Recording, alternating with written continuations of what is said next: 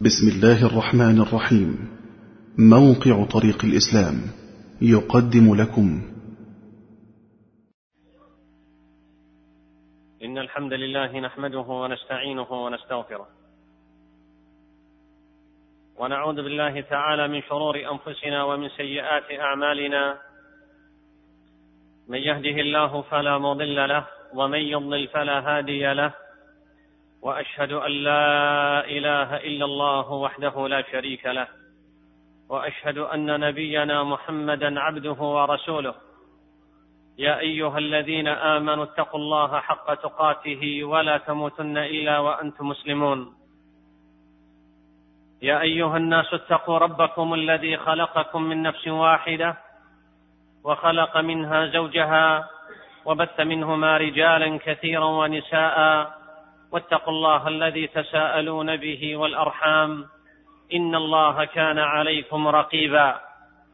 يا أيها الذين آمنوا اتقوا الله وقولوا قولا سديدا يصلح لكم أعمالكم ويغفر لكم ذنوبكم ومن يطع الله ورسوله فقد فاز فوزا عظيما. أما بعد أيها المسلمون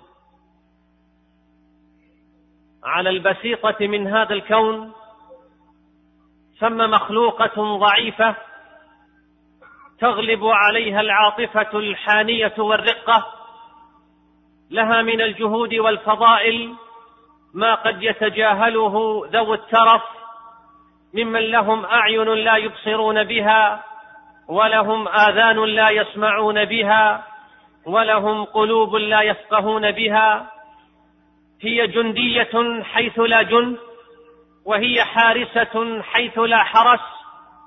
لها من قوة الجذب وملكة الاستعطاف ما تأخذ به لب الصغير والكبير وتملك نياط العاطفة دقها وجلها وتحل منه محل العضو من الجسد.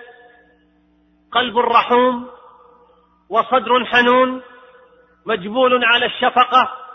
نفس كبيرة وسعت ما لم تسعه آلاف النفوس. خلق يوم خلق فركبت فيه الرحمة حين خالطت أحشاءه وسرت سريان الدم في عروقه.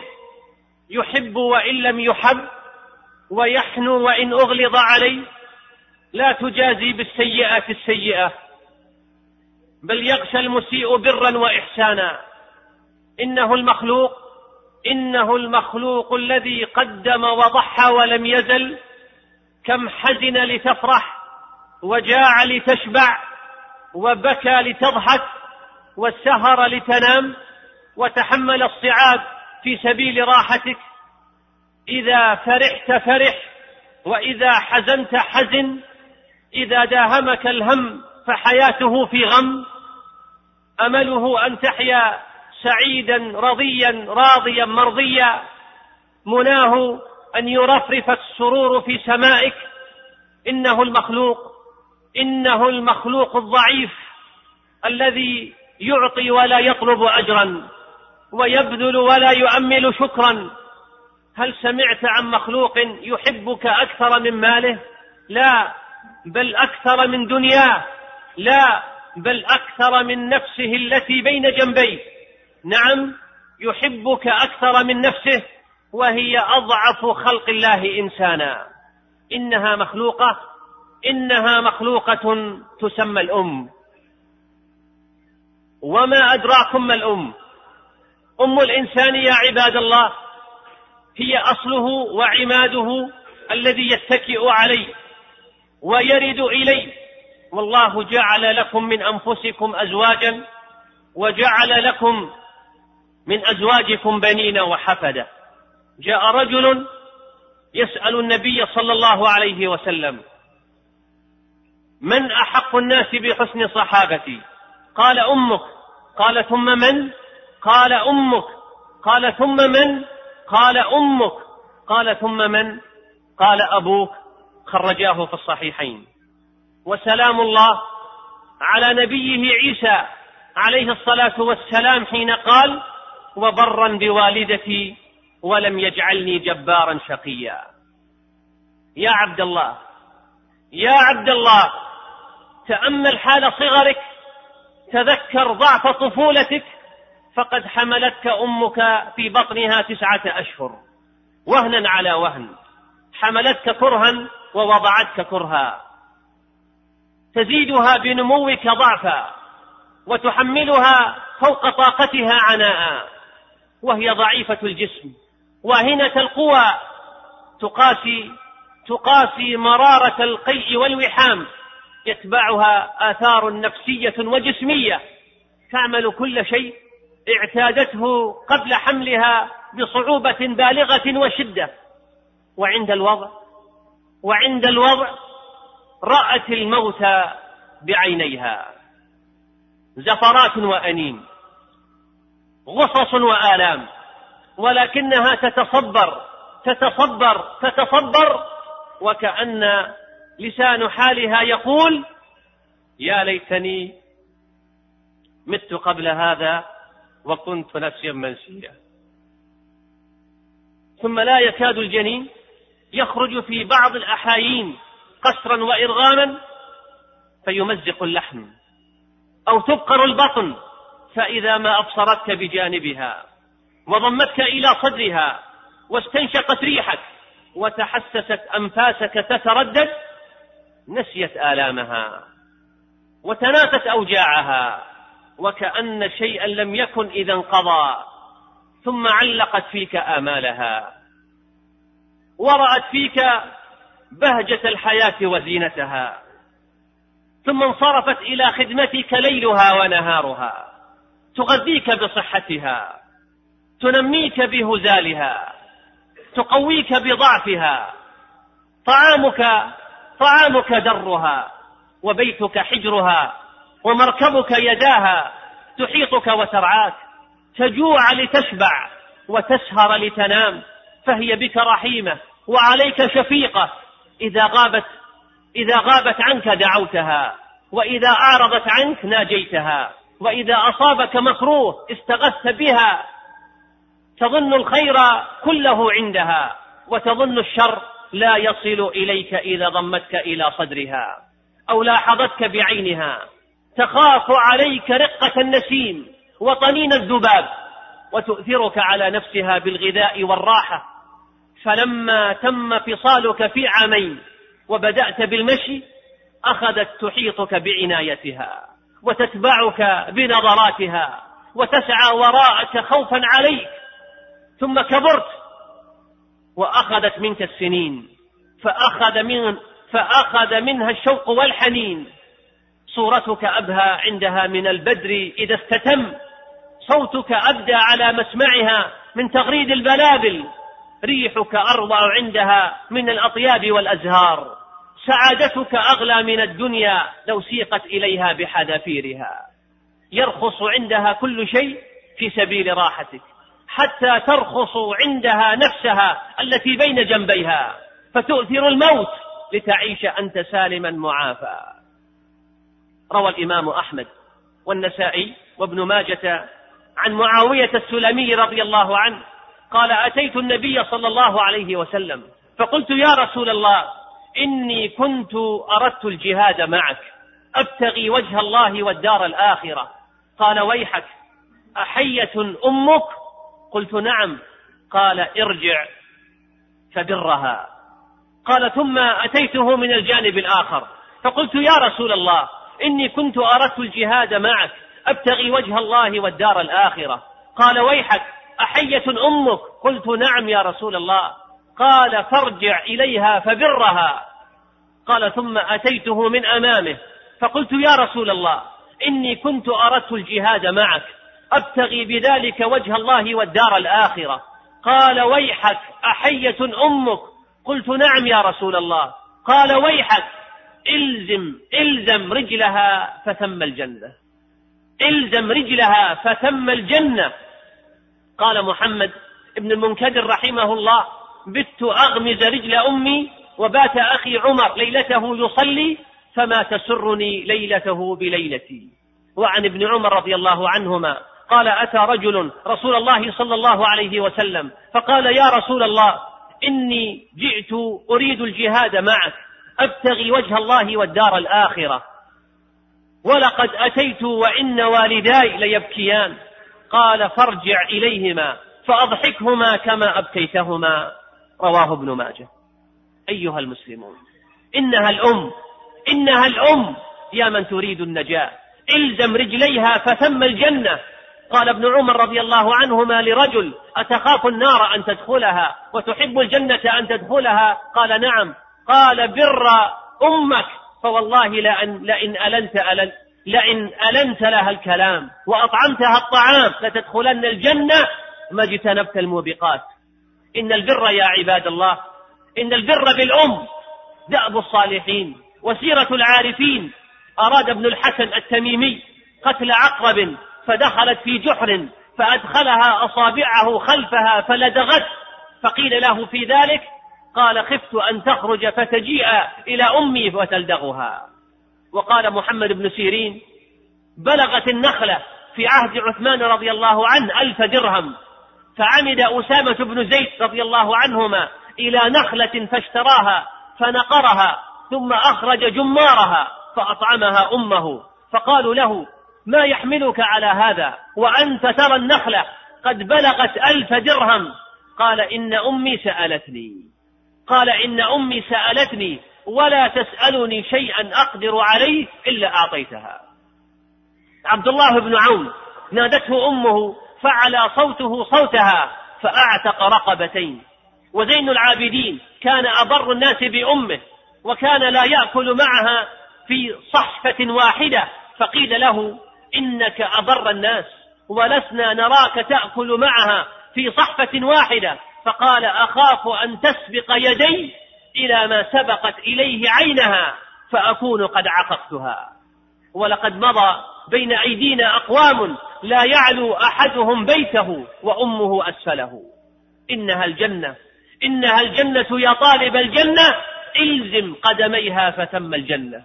روى الترمذي وصححه عن أبي الدرداء رضي الله عنه قال سمعت النبي صلى الله عليه وسلم يقول الوالد أوسط أبواب الجنة فإن شئت فأضع ذلك الباب أو احفظه.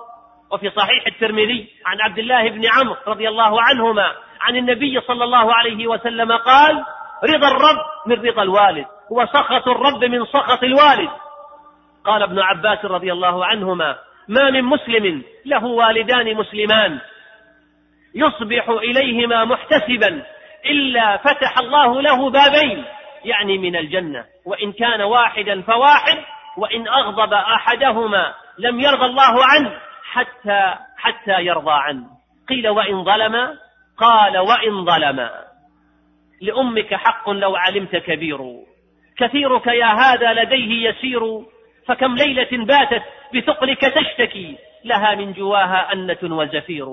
وفي الوضع لا تدري عليها مشقة فمن غصص منها الفؤاد يطير. وكم غسلت عنك الأذى بيمينها وما حجرها إلا لديك سرير. وتعديك مما تشتكيه بنفسها ومن ثديها شرب لديك نمير. وكم مرة جاعت وأعطتك قوتها حنوا وإشفاقا وأنت صغير. فضيعتها فضيعتها لما أسأت جهالة وطال عليك الأمر وهو قصير فدونك فارغب في عميم دعائها فأنت لما تدعو إليه فقير. رأى ابن عمر رضي الله عنهما رجلا يمانيا يطوف بالبيت حمل أمه وراءه على ظهره يقول إني لها بعيرها المدلل حملتها أكثر مما حملتني. فهل ترى جازيتها يا ابن عمر؟ فرد عليه عبد الله بن عمر رضي الله عنهما قال لا ولا بزفرة واحدة. وروي عن الإمام أحمد رحمه الله أنه قال بر الوالدين كفارة الكبائر. معاشر المؤمنين كم ساعات قضى فيها المسلم للوالدين حاجات غفر الله عز وجل بها الذنوب والزلات وخرج بها من الهموم والكربات كم ولد بار أو فتاة بارة قاما من عند والديهما بعد سلام أو طيب كلام أو بهدية متواضعة وقد فتحت أبواب السماء لذلك الولد أو لذلك البنت بدعوات مستجابات لهما من والديهما الضعيفين الكبيرين. فاتقوا الله معاشر المسلمين. فاتقوا الله معاشر المسلمين في الوالدين. سيما إذا بلغ من الكبر والسن ما بلغ ووهن العظم منهما واشتعل الرأس شيبا. إذا بلغت بهما الحال ما بلغت. أيها المسلمون ومع هذا ومع هذا الحب الفياض والعطف الرؤوم الرؤوف والحنان المتدفق من الأم نسمع ونرى مع كل أسف من صور العقوق ونكران الجميل والقسوة العجيبة والغلظة الرهيبة وإساءة العمل وسوء التعامل ما لو أن الواحد وقف على بعضه وسمع من الأثبات البعض الآخر لأنكره أشد النكير ولما تطرق إلى خياله أنه الصدق والواقع. أيها المسلمون هذه رسالة أقرأها عليكم تبعثها أم مكلومة إلى وليدها وريحانة فؤادها. قالت الأم المسكينة يا بني يا بني كان يوما مشرقا في حياتي عندما أخبرتني الطبيبة أني حامل. والأمهات والأمهات يا بني يعرفن معنى هذه الكلمة جيدا فهي مزيج من الفرح والسرور وبداية وبداية معاناة. وبعد هذه البشرى حملتك يا بني تسعة أشهر في بطني فرحة جزلة أقوم متثاقلة أنام بصعوبة آكل مرغمة. أتنفس بألم ولكن ولكن كل ذلك لم ينقص من محبتي لك وفرحي بك بل نمت محبتك مع الأيام وترعرع الشوق إليك. حملتك يا بني وهنا على وهن وألما على ألم بيد أني كنت أفرح وأفرح كلما شعرت بحركتك داخل جوفي. وأسر بأن وزنك يزيد مع أنه حمل ثقيل علي. إنها معاناة طويلة. أتى بعدها فجر تلك الليلة التي لم أنم فيها. ولم يغمض لي فيها جفن ونال لي من الألم والشدة والرهبة والخوف ما لا يصفه القلم ولا يتحدث عنه اللسان. ورأيت بأم عيني والله يا بني رأيت الموت مرات عدة حتى خرجت إلى الدنيا. فامتزجت دموع صراخك بدموع فرحي وأزالت كل آلامي وجراحي. يا بني مرت سنوات من عمري وأنا أحملك في قلبي وأغسلك بيدي. جعلت حجري لك فراشا وصدري لك غذاء. أسهرت ليلي لتنام وأتعبت نهاري لتسعد. أمنيتي أن أرى ابتسامتك. وسروري في كل لحظة أن تطلب مني شيئا أصنعه لك. فتلك منتهى سعادتي. ومرت الأيام ومرت الأيام والليالي وأنا على تلك الحال. خادمة لم أقصر مرضعة لم أتوقف عاملة لم أفتر. حتى اشتد عودك واستقام شبابك وبدأت تظهر عليك معالم الرجولة فإذا بي أجري يمينا وشمالا أماما وخلفا لأبحث لك عن المرأة التي طلبت وأتى موعد زفافك. فتقطع قلبي وجرت مدامعي. فرحة بحياتك السعيدة الجديدة وحزنا على فراقك. ومرت الساعات ومرت الساعات ثقيلة فإذا بك لست ابني الذي عرفت. لقد أنكرتني وتناسيت حقي. تمر الأيام لا أراك ولا أسمع صوتك وتجاهلت ما قامت وتجاهلت ما قمت لك خير قيام. يا بني يا بني لا أطلب إلا القليل.